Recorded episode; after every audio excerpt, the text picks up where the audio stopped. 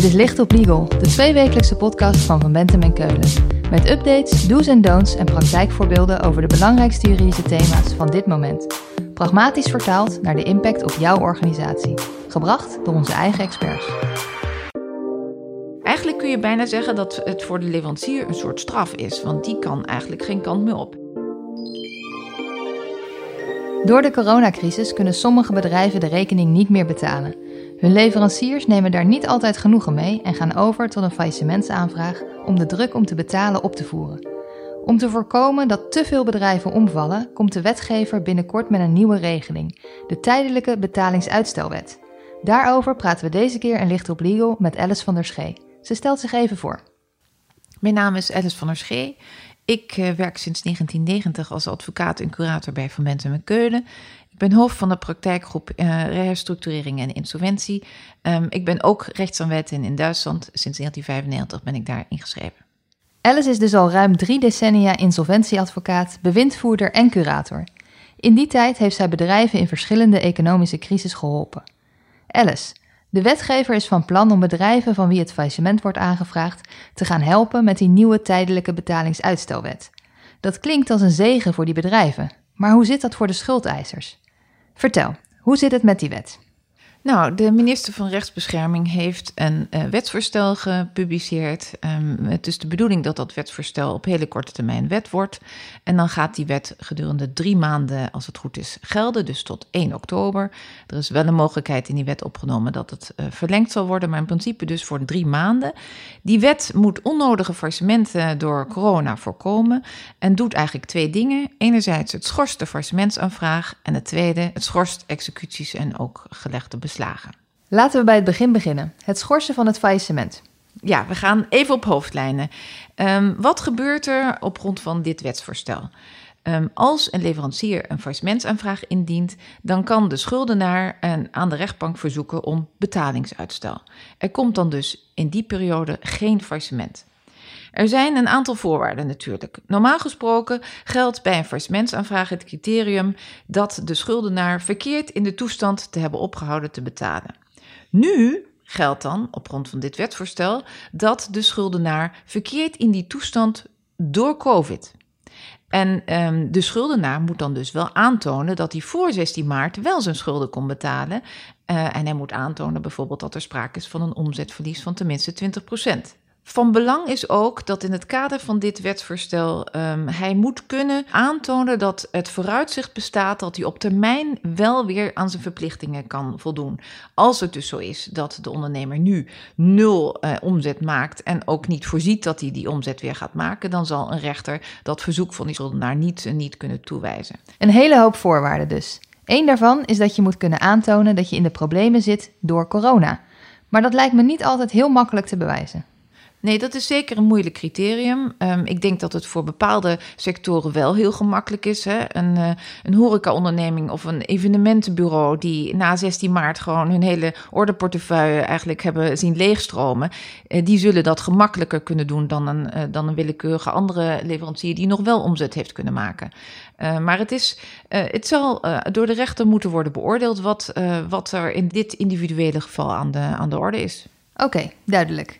Een ander criterium is dat je moet aantonen dat je bedrijf binnen afzienbare tijd goed gaat draaien. Hoe ga je dat hard maken?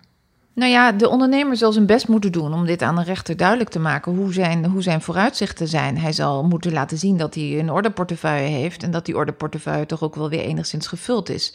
Uh, en als daaruit blijkt eigenlijk dat hij helemaal niets meer te verwachten heeft, ja, dan zal hij ook op, op grond van dit uh, wetsvoorstel niet, uh, zal dat verzoek niet worden gehonoreerd. Dus hij moet wel, die ondernemer moet wel wat aantonen dat hij echt, zijn, dat hij echt goed, goede kansen bestaan op overleving en dat hij ook in staat is om zijn leveranciers uiteindelijk weer, weer te gaan betalen. Dus er wordt wel enigszins rekening gehouden met de leverancier ja, bij de beoordeling van de rechter moet er ook wel, um, uh, vindt er ook wel een toets plaats uh, naar wat, die wat de gevolgen zijn voor de leverancier. Dus eh, naast de voorwaarden voor de ondernemer, hè, die moet kunnen aantonen dat er sprake is van ehm, dat hij zijn schulden kon betalen en dat er omzetverlies, et cetera, is, moet ook duidelijk zijn dat de leverancier niet onevenredig in zijn belangen wordt geschaad. Dus die toets vindt ook plaats. Ook dat is een vage norm. Daar kan ook een rechter natuurlijk alle kanten mee op. Uh, maar het is wel iets wat uh, ook onderdeel is van het, uh, van het, van het proces. Oké, de leverancier wordt dus meegenomen in de afweging om het faillissement wel of niet te schorsen. Maar als het faillissement geschorst wordt, wat gebeurt er dan? Als dus de aanvraag van de ondernemer, dat verzoek van de ondernemer aan de rechtbank is toegewezen, dan wordt het faillissement a, de faillissementsaanvraag aangehouden en komt er dus geen faillissement. Wel is dit tijdelijk, want de termijn daarvoor is twee maanden. En die twee maanden kan dan nog met twee keer twee maanden worden verlengd. Dus in totaal is er een periode van zes maanden waarin dit betalingsuitstel dan geldt. En in die tijd kan de ondernemer gewoon zijn zaak voortzetten en als een hopelijk dus ook weer uit de crisis trekken. En wat kan je dan als schuldeiser? Nou, er zitten wel een paar haken en ogen aan aan deze, aan deze regeling. Eén haak is dat uh, de, uh, dit niet geldt voor faillissementaanvraag van de Belastingdienst. Dus als de Belastingdienst een faillissementaanvraag doet, dan kan de ondernemer er geen, uh, geen beroep op doen. Dan vindt gewoon de beoordeling van de faillissementaanvraag plaats. Voor de leverancier heeft dit wetsvoorstel wel grote gevolgen. Um, en dat geldt alleen maar voor de leverancier die, uh, die de faillissementaanvraag heeft gedaan. Uh, die kan helemaal eigenlijk niks meer. Hij kan zijn overeenkomst met die ondernemer niet meer ontbinden. Hij kan hem niet beëindigen. Hij kan niet opschorten. Eigenlijk moet hij gewoon als leemduk wachten tot de termijn verstreken is en uiteindelijk een beoordeling plaatsvindt of die onderneming alsnog failliet gaat, ja of nee. Kan je dan echt helemaal niets? Is er niet een slimme manier om hier onderuit te komen? Nee, dat is, dit wetsvoorstel is echt tamelijk duidelijk. Uh, die, uh, het is echt de bedoeling om die ondernemingen zoveel mogelijk uit de crisis te helpen. Dat betekent dus dat die faillissementaanvraag niet gaat slagen. En dat die leverancier ook eigenlijk niet de mogelijkheid moet worden ontnomen om die onderneming verder in de, in de hoek te drukken eigenlijk. Dat is, dat is wel wat er hier gebeurt. En het gaat zelfs zover dat de ondernemer aan de rechtbank een soort afkoelingsperiode ook kan vragen voor deze leverancier. die kan dan dus ook geen zekerheden uitwinnen en ook verder uh, wordt hij gewoon beperkt in zijn mogelijkheden. Eigenlijk kun je bijna zeggen dat het voor de leverancier een soort straf is, want die kan eigenlijk geen kant meer op. Hij heeft die faillissementaanvraag gedaan. Vervolgens doet de ondernemer een beroep op deze wet. Um, en als dat wordt toegewezen, ja, dan zit, moet de leverancier eigenlijk maar afwachten. En je zegt iedere keer heel expliciet deze leverancier. Gelden de beperkingen om verhaal te halen dan niet voor leveranciers die de faillissementsaanvraag niet hebben gedaan? Ja, het is zo dat uh, dit, uh, deze wet bepaalt dit alleen voor deze leverancier die de faillissementsaanvraag uh, heeft gedaan. Het geldt niet voor andere leveranciers. Hè. Als um, een onderneming heel veel financiers heeft, um, dan zal de ondernemer met die andere leveranciers gewoon afspraken kunnen maken. en daar kan wel een overeenkomst beëindigd worden en dergelijke. Maar met, dat geldt niet voor degene die hier naar dat ultimum remedium heeft gegrepen om een faillissementsaanvraag te doen.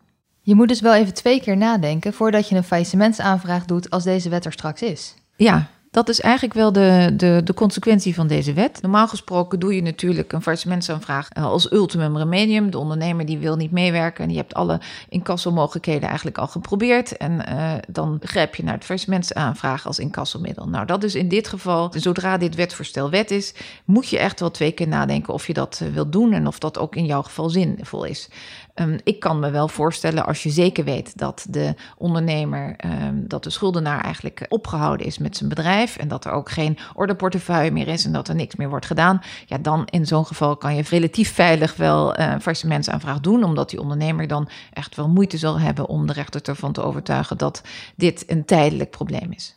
Duidelijk. Een ander onderdeel van de wet is dat je geen beslag meer kan leggen, zei je. Ja, eigenlijk wilde uh, de wetgever dat de onderneming zoveel mogelijk vrij wordt gespeeld om uit de crisis te komen. En die onderneming wordt er natuurlijk soms gehinderd doordat er beslag gelegd wordt op belangrijke bedrijfsonderdelen, op de inventaris, op de voorraden en dergelijke. Nou, uh, om dat nou te voorkomen, om die onderneming zoveel mogelijk vrij te spelen, uh, ziet het een, een ander deel van dit wetsvoorstel op de mogelijkheid om individuele executies te schorsen en om gelegde beslagen op te hebben heffen. En daarmee worden dus schulden, schuldeisers zeg maar wel getroffen. Maar het is echt de bedoeling van de wetgever om dan uh, ervoor te zorgen dat er uh, zoveel mogelijk geld ter beschikking komt om, de, om die onderneming te helpen te overleven. Ja, en het zorgt er dus inderdaad voor dat je bedrijfsvoering niet lam wordt gelegd. Dus bijvoorbeeld dat je als horecaondernemer gewoon nog bier kunt verkopen. Ja, dat is het idee. En um, natuurlijk is er wel ook bij deze, uh, bij deze mogelijkheid de toets dat de leverancier niet in zijn belangen moet worden geschaad. Maar ja, dat blijft een vage toets. En je kunt je ook wel situaties voorstellen waarbij het zowel voor de leverancier een heet hangijzer is, als ook voor de uh, ondernemer. Hè. Je krijgt soms een cascade aan, uh, aan problemen. Ook die leverancier is getroffen door corona, dus die heeft natuurlijk ook belangen. En als deze vordering niet wordt geïncasseerd, heeft dat, kan dat ook weer een heel um, probleem voor de leverancier met zich brengen. In dat opzicht zitten we echt in een uitzonderlijke situatie waarin, we, ja, uh, waarin de wetgever probeert om um, zoveel mogelijk bedrijven van de ondergang te uh, behoeden eigenlijk. Dat begrijp ik. En we begonnen er ook al mee. Het klinkt als een zegen voor het bedrijf dat in de problemen is. Maar als leverancier wil ik gewoon dat mijn rekening betaald wordt. Wat kan ik wel doen? Nou ja, eigenlijk moet je gewoon zorgen dat je je zaakjes al op voorhand goed geregeld hebt. Hè? Zoveel mogelijk op voorhand goed geregeld hebt. Uh, en dat betekent dat je, als je leverancier bent van spullen, dat je zorgt dat je een rechtsgeldig eigendomsvoorbehoud hebt. En als je ziet dat een onderneming stil ligt, dat je een beroep doet op het recht van reclame. Dus de rechtelijke mogelijkheden die je hebt, die moet je gewoon op een goede manier uh, regelen je kunt ook, uh, als je nu producten moet leveren, afspreken dat je alleen maar uh, levert als je al vooraf betaald wordt. Er zijn legio mogelijkheden die je hebt. Die moet je gewoon goed, uh, daar moet je gewoon goed naar kijken. Je moet zorgen dat je actief bent in je debiteuren incasso. Niet vorderingen heel lang open laat staan. Direct contact opneemt met je debiteur als die niet betaalt. zorg ervoor dat er um, zorg dat je daarin actief bent en dat je het niet laat lopen.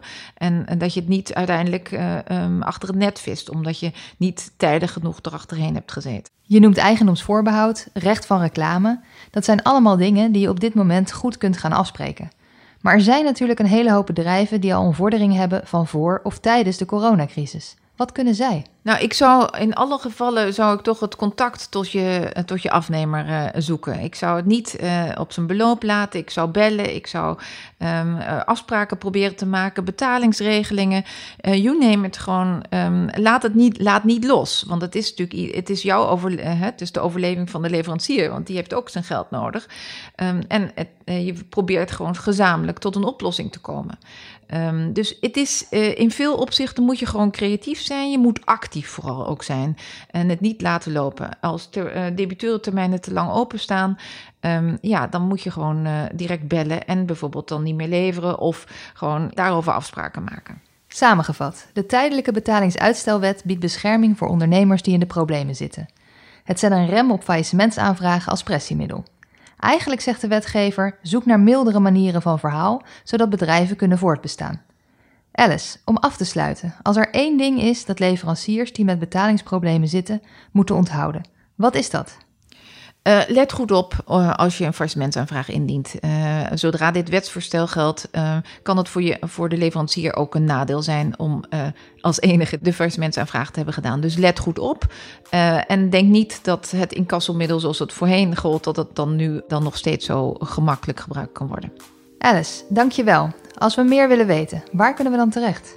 Jullie kunnen me natuurlijk altijd mailen. Uh, mijn mailadres is alicevanderschee.vbk.nl en voor het overige verwijs ik jullie naar de website uh, om, om mij gemakkelijk te kunnen vinden. Dit was Licht op Legal, een podcast van Van Bentem en Keulen, te beluisteren via Spotify, Apple Podcasts of je eigen favoriete podcast-app. Wil je meer weten? Heb je suggesties voor een onderwerp? Of wil je dat onze experts hun licht laten schijnen op jouw juridisch vraagstuk? Laat het ons weten via vbk.nl/slash lichtoplegal.